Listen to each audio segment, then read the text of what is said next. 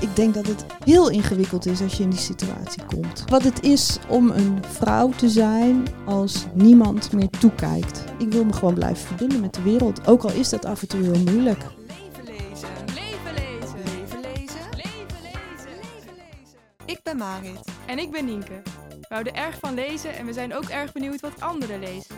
Daarom gaan wij iedere aflevering in gesprek met iemand over diens favoriete boek. Kunnen we door middel van de literatuur het leven van onze gast leren kennen? Kunnen we na het lezen van de boeken ook de gasten lezen? Nienke, ik heb een vraag. Wat lezen we vandaag? Dat moet je vragen aan onze gast. Wat koos die uit de boekenkast? Jean-Paul Sartre of Saskia Noord? Of hebben we er nog nooit van gehoord? Leven lezen. Leven lezen!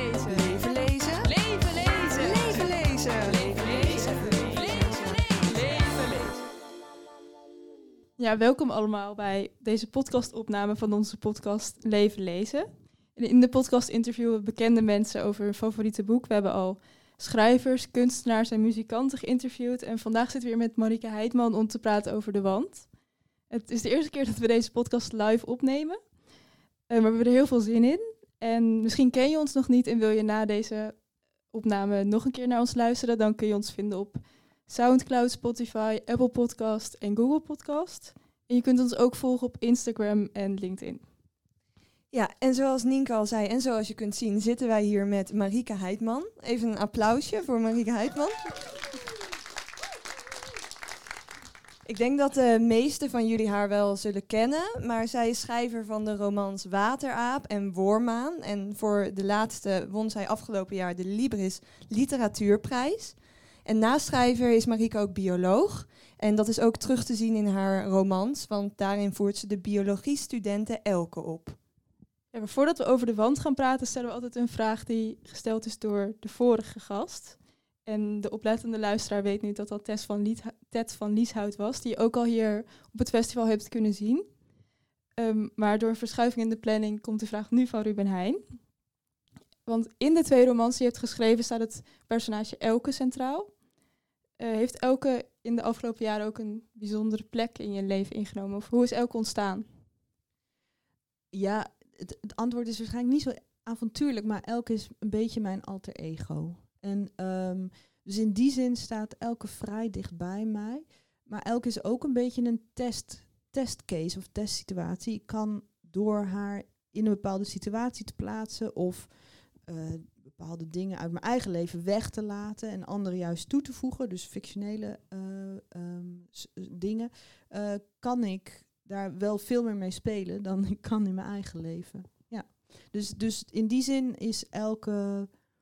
ehm, ja, die zit, is, ben, daar ben ik wel mee verweven. En was Elke dan voordat ze een hoofdpersonage werd in een boek ook al een hoofdpersonage in een kort verhaal? Of Ja, nee, dat is wel grappig, want ik heb wel eh, korte verhalen ook geschreven. Ik heb wel de neiging om dicht bij mezelf te blijven in wat ik schrijf. Ehm, maar ik zie haar zelf niet terug in korte verhalen. Maar ehm, vaak is de schrijver of ik als schrijver niet de allerbeste duider van zijn of haar eigen werk. Dus eh, misschien dat eh, iemand anders daar een andere mening op nahoudt. Oké, en van jouw boeken gaan we nu naar een ander boek. De Wand van de Oostenrijkse schrijver Marleen Haushoffer. Het werd gepubliceerd in 1963 en het is een van jouw favoriete boeken. Misschien voor de mensen die het niet kennen, kun je kort even vertellen waar het boek over gaat. Ja, want het heeft een heel eh, bijzonder plot. Ik schrijf zelf eigenlijk nauwelijks plot gedreven, maar dit is een boek, ehm, heeft een heel sterk begin. Dus eh, de hoofdpersoon, we komen volgens mij haar naam niet eens te weten, het doet Nee. ook niet ter zake. Ehm, die gaat eh, naar het vakantiehuisje, jachthuis van eh, een familielid en, haar, en zijn vrouw. Een- stel, een vriendstel. En ehm, die gaan op die avond eh, nog even iets drinken in het dorp. Ze verdwijnen en ze komen niet terug. Nou, de hoofdpersoon gaat slapen en die wordt wakker de volgende dag. En nou, het is natuurlijk raar dat die, dat echtpaar weg is. Dus ze gaat naar ze op zoek en ze stuit op een wand. Een eh, transparante wand. En ehm, dan komt ze er al snel achter dat, er dus, eh, dat ze er niet door kan. Ja, het is een wand. Ehm, en dat er dus aan de andere kant, en dat komen we ook niet te weten, iets gebeurd is. en op dat moment, dat is echt het begin van het boek, dus ik verklap nog niks, moet zij het dus met zichzelf in dat jachthuis zien uit te houden. En het prachtige ook aan het boek is dat ze ehm, niet helemaal alleen blijft. Er is een, uh, uh, de hond, de jachthond van het stel. En al snel komt er ook een koe. En uh, ik vergeet iemand, ja, de kat. Kat, ja. ja. Ja, en de wand is dus uitgebracht in de jaren 60 en toen is het weer een beetje vergeten en weer het opleving gehad en weer vergeten. En recent heeft het weer een opleving gehad tijdens de coronapandemie. Want je zou die wand ook als een soort van verplichte quarantaine kunnen zien. Las jij het ook voor het eerst tijdens de uh, coronacrisis? Ja, ik, zit, ik heb zelf helemaal die, uh, die link niet gelegd. dat zegt wel veel over mij. Want ik ben eigenlijk um, intrinsiek geïnteresseerd in uh, wat er gebeurt met een mens als die buiten de maatschappij wordt geplaatst. En um, sterker nog, ik heb, mijn redacteur heeft het me al aangeraden toen ik begon met uh, Wormaan. Die zei, je moet dit echt lezen. Dit gaat ook over iemand, een vrouw die uh, meemaakt wat er met haar gebeurt als de maatschappij niet meer toekijkt. Um, en ja, zoals dat soms gaat met goede adviezen, die schuif je wat voor je uit. Um, dus ik heb het pas, nou, een aantal maanden geleden, een half jaar geleden zo gelezen, toen Wormaan dus al af was. Um, dus nee, ik had heel die pandemie niet in mijn hoofd. Nee, nee. Ik vind, ja, op persoonlijk vlak heb ik de pandemie ook niet zo meegemaakt zoals deze hoofdpersoon haar isolatie beleeft. Want ja, de vrouw is dus in haar eentje doordat die wand verschijnt. En daardoor leeft ze heel geïsoleerd, al wel met een aantal dieren. Denk jij dat je goed zo in je eentje zou kunnen leven met een aantal dieren? Uh, ja, dat is wel een goede vraag. Ik, ik denk van wel, maar ik denk eigenlijk van niet. Nee, ik heb altijd een soort van fantasieën van, oh, hoe zou het nou zijn? Helemaal zo in die wildernis en wat een luxe en dan heb je alle tijd. Maar het is natuurlijk super eenzaam en de mens is een groepsdier en, um, en zij worstelt daar ook mee. Het is niet per se een heel vrolijk boek. Uh, maar het mooie is dat het ook niet een heel vind ik niet een heel deprimerend boek is. Ze redt het wel en um, ik denk dat het heel ingewikkeld is als je in die situatie komt. Maar ik zie daar wel, ik voel wel enige aantrekkingskracht. Want ik denk op het moment dat, de, uh, dat je even uit de maatschappij kunt stappen. Um, en dat doe, je, doe ik ook als ik aan het schrijven ben, op kleine schaal. Uh, hoor je jezelf beter denken. En um, is er meer ruimte voor zelfexpressie zonder dat die meteen wordt ingevuld of uh, ingeperkt door de blik van buiten. Ja. je zegt dat je soms er dus van droomt om dan zo alleen te zijn. Op wat voor momenten droom je daarvan? Als er heel veel sociale verwachtingen zijn, ja. Als ik, uh, als mensen, of als ik denk dat mensen verwachten dat, puntje, puntje, puntje. Um, of als ik heel sterk de behoefte heb om een gedachte af te maken. Of om uh, ja, de, soms is het letterlijk, je bent iets aan het denken en er komt iets tussen. Uh, de, de, de, deurbel gaat of uh, een vriendin belt of uh, er is een verjaardag waar je heen moet. Je kunt die gedachten niet afmaken en dat kan soms heel frustrerend zijn. Het is ook wel een beetje egomaan wat ik nu zeg, want het is niet zo dat iedere gedachte nou zo wereldschokkend fantastisch is. De meeste zijn dat niet. Maar um, om tot iets wezenlijks te komen en ook tot een vorm van ontspanning is het soms wel heel fijn om, uh, om alleen te zijn. Ja. ja, en je zei net dat je schrijverschap ook een vorm van isolatie is. Heb je dan ook het gevoel dat voordat je schrijver was, dat je nu anders bent dan dat je voordat je schrijver was? Omdat ik meer de isolatie af en toe opzoek? Ja. Uh, ja. Ja, ik heb wel het idee. Um, Kijk, heel diep van binnen verandert er natuurlijk niet zoveel. Maar het feit dat ik door het schrijven mezelf beter kan uitdrukken, uh, dat brengt af en toe wel uh, ja, voldoening en ook een beetje ontspanning. Ja. En in wat voor opzicht ben je dan veranderd? Um, nou, soms is het heel specifiek. Uh, mijn boeken gaan natuurlijk best heel sterk over identiteit. Um, en op dat gebied ontstaat door het schrijven, omdat het ook een, een voor mij een, een, een, zoektocht is of een, eh, iets wat ik aan het onderzoeken ben, ontstaat er helderheid omtrent dat onderwerp. eh, en dat geeft heel veel, eh, heel veel voldoening. Ehm, daardoor kan ik me op dat vlak ook iets zelfbewuster door de wereld bewegen. En dat is, ja, dat kan ik iedereen aanraden.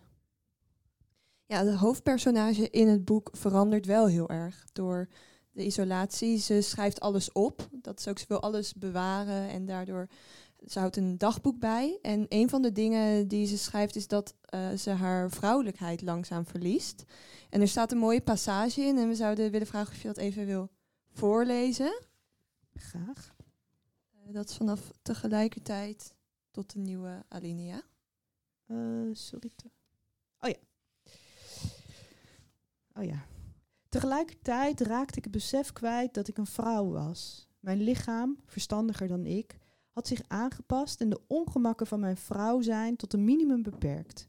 Ik kon rustig vergeten dat ik een vrouw was. Soms was ik een kind dat aardbeien liep te plukken, dan weer een jonge man die hout zaagde, of als ik op de bank zat met perlen op mijn magere knieën en naar de ondergaande zon keek, een heel oud, onzijdig wezen. De merkwaardige aantrekkingskracht die toen van me uitging, is nu helemaal verdwenen. Ik ben nog steeds mager, maar gespierd en mijn gezicht zit vol kleine rimpeltjes. Ik ben niet lelijk, maar ook niet aantrekkelijk. Ik lijk meer op een boom dan op een mens. Een taai bruin stammetje dat al zijn krachten nodig heeft om in leven te blijven. Ja, en in dit stukje, behalve dat ze dan zegt dat ze haar vrouwelijkheid verliest, gaat het ook over een soort fluïde identiteit. Ze is op elk moment iemand anders. Is dat iets wat jij zelf ook herkent? Op de beste momenten wel, ja. Ja, ja en ik vind dit ook heel mooi. En ik, nu ik het zo voorlees, eh, word ik me ineens er bewust van dat mijn interpretatie misschien wel heel gekleurd is. Want ik word er heel blij van, van het feit dat je dus kunt loslaten, dat je je vrouw zijn kunt loslaten. Maar het kan ook als een groot verlies ehm, ervaren worden. En ehm, ja, dat bedenk ik nu eigenlijk ter plekke. Nee, ik vind het heel. ehm, ik denk in het beste geval. Kun je in deze wereld al die dingen zijn op verschillende momenten. ehm, en ehm, als die vrijheid er is, is denk ik heel, heel prettig. Ja, Ervaar jij die vrijheid? steeds meer. Ja, ja. En, en, en, en het mooie, en dat vind ik ook zo mooi aan dit boek, is dat ehm, ja, zij kan niet anders. Zij is de hele tijd in de natuur en ze, ze moet zich de hele tijd verhouden tot de elementen en tot die dieren en niet tot mensen. Dus eh, het kan ook niet anders dan dat ze zich met dat soort natuurmetaforen eh, zich daarvan bedient. Maar dat is ook precies waar ik me toe aangetrokken voel. Ik heb juist, denk ik, als ik in de natuur ben of als ik, als ik me daartoe verhoud, dat ik voel dat ik een, ehm, ja, een onzijdig wezen ben. Ehm, en ehm, ja, ik vind dat een hele prettige staat van zijn. En nogmaals, dat is subjectief, want dat hoeft niet voor iedereen zo te zijn. En zou je dit boek dan ook als een feministisch boek zien? Ondanks dat ze haar vrouwelijkheid verliest? Ja, want feminisme gaat over dat we allemaal gelijke rechten hebben, man of vrouw. Ehm, ja, ik zit nou even na te denken. Dat is eigenlijk wel een goede vraag. Daar zit ook in dat je je mag anders mag gedragen als vrouw. Dat je, dat je een onzijdig wezen mag zijn. Of een stammetje, eh, boomstammetje. Ehm, het is zeker een feministisch boek daarin. Ja. Ik kan het niet zo goed eh, zo 1, 2, 3 eh, aanraken wat er nou zo feministisch aan is. Nou, ik dacht ook van wel, maar ook omdat ze bijvoorbeeld... Dan denkt ze van, als die man, die eh, oom van, van haar, Hugo, als die er was geweest, dan had ik een onderdanige positie ingenomen en dan was ik nu misschien wel dood, omdat hij allemaal dingen tegen mij had gezegd die ik dan niet wilde doen en dan had hij me vermoord. Ja. Ja. Dus zo heeft ze haar vrouwelijkheid ook wel weer, heel, is ze daar heel bewust van, denk ik. Ja, precies, precies. Ja. Ja, en wat, wat ik ook een heel mooie passage vind, is dat ze op een gegeven moment eh, ehm, haar gezicht ook niet meer, ehm, eigenlijk niet meer goed kan zien. Ehm, en de, er zit heel veel in, inderdaad, van als, als er een man was geweest, als, als dan, dan was heel haar rol eh, inderdaad anders geweest. Ja, ja die rol. Ja. Leven lezen. Leven lezen. Leven lezen. Leven lezen. Leven lezen. Ja, en toen wij het boek lazen, hadden we het gevoel dat er ook de nodige parallellen bestonden tussen jou en het hoofdpersonage in het boek. Zo onderhoudt zij een moestuin. En wij hebben vorig jaar in Brommer op Zee kunnen zien dat jij ook een moestuin hebt. En je had een wekelijkse rubriek waarin je schrijverslessen uit de moestuin haalde. Is er ook een les dat je uit dit boek hebt gehaald? Ehm, nou, ik vind, ik heb met name genoten van haar beschrijvingen, ehm, de beschrijvingen die over haar en haar dieren. Die vond ik heel intens en heel mooi beschreven en heel eh, zonder pathetiek. Ja, dat zijn gewoon vrienden, familie. Dat met haar gewassen, ja, dat is, vind ik eigenlijk een beetje het enige zwaktebod in het boek. Eh, want dan gaat ze maar één keer wieden. Dan denk ik, huh, dat bestaat niet. Maar goed, eh, dan heb ik, maar even, ik ben een welwillende lezer, want ik vind het verder een fantastisch boek. Maar dat vond ik eigenlijk het minste. Ja, Dat het ongeloofwaardig was. ja maar goed, misschien heeft ze gedacht, dat, is niet, dat, dat, dat helpt het boek niet vooruit. Ja, ik ben dus echt een heel welwillende lezer. Ik denk, misschien ehm, de- voor de boodschap die ze wil brengen, maakt het misschien niet uit dat die moestuin niet helemaal realistisch is. Ehm, dus daar heb ik doorheen gekeken. Maar er is niet een bepaalde les die je daaruit uit het boek hebt gehaald. Ehm, nee, nee, nee, nee. Van die tuin specifiek. Nee, gewoon van het boek in het algemeen. Oh, van het boek Toen in je het klaar was algemeen. met het lezen, dat je dacht, dit heb ik ervan geleerd, bijvoorbeeld. Nou, ik vind dus wat ze heel scherp doet. Het is een. Qua stijl is het ook een fantastisch boek. Het is vrij kabbelend. Want ze beschrijft eigenlijk de hele tijd eh, wat ze aan het doen is, wat ze gedaan heeft. En heel af en toe, en dat, dat eh, vergt denk ik veel eh, beheersing, eh, komt ze met hele filosofische, existentiële inkijkjes. Zo wat ik, wat ik net bijvoorbeeld voorlas. Ehm, en dat weet ze heel mooi te timen. En dan ben je helemaal, eh, helemaal in de ban van, weet ik veel, dat ze een forel aan het vangen is. En dat ze daarna moet hooien. En, en eh, het was een hele koude nacht. En, en ineens komt ze met zo'n heel mooi scherp inzicht. En dan zit je weer even helemaal op het puntje van je stoel. En al die dingen samen, eh, wat hebben die mij geleerd? Nou, wat het is om een vrouw te zijn als niemand meer toekijkt. Ja. Oké, en de moestuin levert het personage ook een soort zelfvoorzienendheid op. Ze kan voor zichzelf zorgen en is niet meer afhankelijk van andere mensen, wat de andere mensen hebben achtergelaten.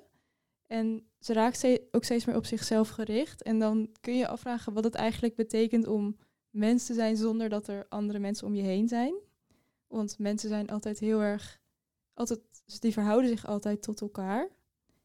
En ehm, voel jij ook zo'n soort druk? Om Ehm, op een bepaalde manier te leven?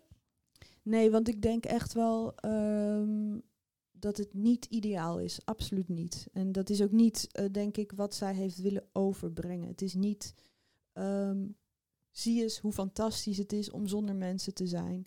Ehm, ik denk echt, ze is echt wel aan het rouwen ook. Al is dat heel subtiel ehm, in het boek, zit dat. Ehm, ze is daar niet gelukkig de hele tijd of tevreden. Ehm, en dat zou ik ook zeker niet zijn. Ik heb, ik heb mensen nodig. Het is als je in een situatie bent, dan lijkt die andere situatie gewoon van heel fijn af en toe. Dat is, het is ook een escape. Het is ook. ehm, ehm, maar dat wil niet zeggen dat het daar dus daadwerkelijk beter is, want dat is het denk ik niet.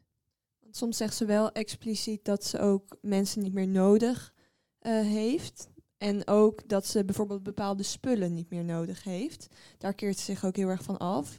Op een gegeven moment eh, schrijft ze... Hier in het bos ben ik eigenlijk wel op mijn plaats. Ik koester geen wrok jegens de autofabrikanten. Die zijn al lang niet interessant meer. Maar wat hebben ze me allemaal gekweld met dingen die me tegenstonden. Ik bezat niets anders dan dit ene kleine leven en zij lieten mij niet in vrede leven. Gasbuizen, krachtcentrales en olieleidingen. Nu pas, nu de mensen er niet meer zijn, tonen die dingen hun ware, deerniswekkende gezicht. En toen had men er afgoden van gemaakt in plaats van gebruiksvoorwerpen. Dus dat gaat eigenlijk ook over dat ze niet materialistisch is, maar dat de maatschappij haar zegt van dat moet je zijn. Ja, je hebt al die spullen nodig om Ja. gelukkig... Ja, Ja. dat is koren op mijn molen. Ik vind vind het prachtig. En ik zie ook, ehm, je kunt je er niet aan onttrekken. Je leeft in deze wereld. Ehm, ik heb zo min mogelijk sociale media, maar ik ontkom er ook niet aan. Ehm, en dat is tot op zekere hoogte ook prima. Ehm, en dat is ook wederom mijn, de aantrekkingskracht. Dat ik denk, ja, misschien als je geïsoleerd bent, kom je wel inderdaad tot dit soort eh, eh, eh, inzichten. En, en, dat, en ik denk dat het klopt. Ja. Maar denk je dat het eh, je gelukkiger kan maken om je wel af te sluiten van zulke dingen in deze wereld waar dat wel allemaal is? Ehm, ik, ik, heb, ik heb een tijdje les gegeven, ook op, de, op een eh, landbouwopleiding. en, dat en ik gaf ik ook les aan mensen die ehm, ehm, dit een beetje wilden doen. Echt het leven over een andere boeg gooien, zelfvoorzienend zijn, tiny house, noem maar op. Off the grid. Ehm, en ik voel die behoefte steeds minder, omdat ik het ook heel belangrijk vind om eh, ehm, me te blijven spiegelen aan wat er op dit moment in de maatschappij aan de hand is. Omdat ik met deze mensen samenleef en omdat ik ervan doordrongen ben dat ehm, alleen niet. Dat is niet bedoeld voor een mens. Dus ik vind het een bepaalde manier. Eh, ik vind het ook een privilege als je je zo kunt afzonderen. Ehm, en ik wil, ja, ik wil me gewoon blijven verbinden met de wereld. Ook al is dat af en toe heel moeilijk. Ja. En dus wel ook nu bijvoorbeeld op social media. Nou ja, ik zit op LinkedIn en WhatsApp, maar eh, ja. Ja, nee, precies. Ja, af en toe wel. Overigens, nu ste- stel ik het heel scherp. hè, En ik, ik heb helemaal geen oordeel over die mensen die wel, die wel ehm, ehm, dat leven zoeken en off the grid gaan en noem maar op. Ieder moet zijn eigen pad lopen. Maar ik persoonlijk vind het heel waardevol om, eh, eh, om me te blijven begeven in de maatschappij. Ja. Ja, want het personage houdt niet van spullen en ook niet van mensen eigenlijk. Want ze doet helemaal geen moeite om onder die wand door te. eh, In het begin zegt ze nog wel: Ik wil moeite, ik wil, misschien kan ik wel onder die wand door. Maar uiteindelijk heeft ze helemaal niet, doet ze daar helemaal geen actie. Onderneemt ze daarover. Of ze schrijft dan wel: Dit boek is een soort. Na twee jaar denkt ze: Ik moet toch wat opschrijven. Maar dat mag ook naar de muizen. Dus ze vindt mensen eigenlijk niet zo belangrijk meer. Eh, maar dieren wel. En ze maakt zich eigenlijk ook geen zorgen over dode familieleden die achter die wand zitten. Maar wel als er een dier doodgaat, dan rouwt ze daar wel heel erg om. En ze vindt het eigenlijk ook makkelijker om van dieren te houden dan van mensen. En heb jij, is, geldt zoiets ook voor jou? Nou, ik ben het er niet helemaal mee eens. Ik denk, ehm, ehm, ik had het aan een vriendin aangeraden en die zei hetzelfde een beetje. Van ja, waarom gaat ze niet, eh, waarom gaat ze niet weg? Dat moet toch kunnen? Waarom gaat ze niet verder onderzoeken? En ehm, ik heb het ook voor deze podcast nog een keer herlezen. En toen, de indruk die het op mij maakte, is dat ze heel bang is voor wat er aan die andere kant gebeurd is. Ze wil niet geconfronteerd worden met al die dode lichamen en al die dode vogels en haar dode dochters. Dus ik heb het, eh, want ze is daar eigenlijk, tegelijkertijd zegt ze dat ze die dochters niet mist, maar dat ze ja, de zesjarige dochters mist die ze had en niet de volwassen dochters. klopt. Ja, dat is trouwens ook heel interessant. Ja, ja. En toch heb ik het geïnterpreteerd als dat ze bang is, want ze kan prima een gat onder die wand graven. Ik heb het geïnterpreteerd als dat ze bang is voor wat ze daar aantreft. En ik heb ook het idee dat ze steeds zegt, ja, ik moet dat op een gegeven moment wel gaan doen, maar nu zit ik hier nog even goed. En als de koe maar een kalf heeft, dan zit ik hier nog wel even goed. En dan, Ehm, dus, ehm, en wat jij zegt klopt ook. Ze, kan enorm, de, de emotie van het verliezen van een eh, kitten of eh, het verliezen van haar hond met name. Oh. Ah, Die hond gaat dood. Dat is ook is geen spoiler hoor, dat is al vrij snel, wordt dat duidelijk. Ehm, eh, ja, dat wordt in geuren en kleuren verteld, terwijl die dochters inderdaad heel vreemd op de achtergrond blijven. Ehm, maar dat komt denk ik, dat is om de lezer ervan te. Ehm, omdat ze in zo'n rare situatie, in zo'n raar isolement zit. Ehm, het kan niet, ze kan niet anders dan door de situatie, door de context, eh, heel die andere wereld, het verleden, dat gekke verleden, eh, min of meer vergeten. En die vergetelheid, die speelt ook echt een rol op het moment, want ze zit dus in een jachthuis beneden in het dal. En ze gaat in de zomer gaat ze naar het ehm, mm, andere huisje. Ja, op de, De boom. alm. Ja, op de Alm. Ehm, en daar komt ze elke keer ook in een soort van vreemdsoortige roes terecht. En ehm, ik denk die vergetelheid of die roes, die, die, die speelt vanaf het begin al een rol. Ze is daar echt. En het verleden is heel ver weg. Maar goed, ja, dat is dus heel grappig. Ik heb het dus anders geïnterpreteerd. Ja, Ja, ook juist interessant dat er zulke verschillende lezingen in kunnen Ja, zitten. ja. Maar één ding is wel zeker, dat ze heel erg nauw samenleeft met die dieren daar. Ja. Ehm, en je zei eerder ook al dat eh, je dat heel mooi vond aan het boek, Ja. dat samenleven met die dieren. Heeft een studie biologie jou ook anders doen kijken naar de relatie tussen mens en dier? Ehm, nou, ik was als kind ook al wel echt een, eh, heel, heel gevoelig voor dieren. eh, en dierenleed en dol op mijn hond, noem maar op. Dus in die zin is eigenlijk niks veranderd. Ehm, ik ben er denk ik door biologie wel van doordrongen dat wij ook dieren zijn. En, ehm, en in de zin dat we dus zulke eh, connecties maken met andere dieren, zoals een hond, ook wel bijzondere dieren. Ehm, dus dat, dat heeft het misschien wel veranderd. Maar nee, want misschien was, jij, was jouw vraag kwam daar ook uit voort of ik misschien meer zou rouwen om een dode hond dan om een dode dochter, die ik overigens niet heb. Eh, dat denk ik niet. Nee, nee. En we gaan nu een beetje richting het einde van het gesprek. En met de dingen die we allemaal hebben besproken, zou je aan de ene kant kunnen zeggen dat de wand haar juist opsluit. Maar aan de andere kant dat het haar ook beschermt tegen alle andere invloeden van de wereld. En hoe zie jij dat? Sluit de wand haar op of beschermt hij haar juist? Ja. Flauw antwoord, maar ik denk allebei. Ja. Ehm, ze is gered door die wand, want het is wel duidelijk dat de mensen, in ieder geval wat ze zeg maar zo eh, kan zien. Ze kan een buurman zien en ze kan eh, de dode vogeltjes zien die, tegen, die aan de andere kant van de wand liggen.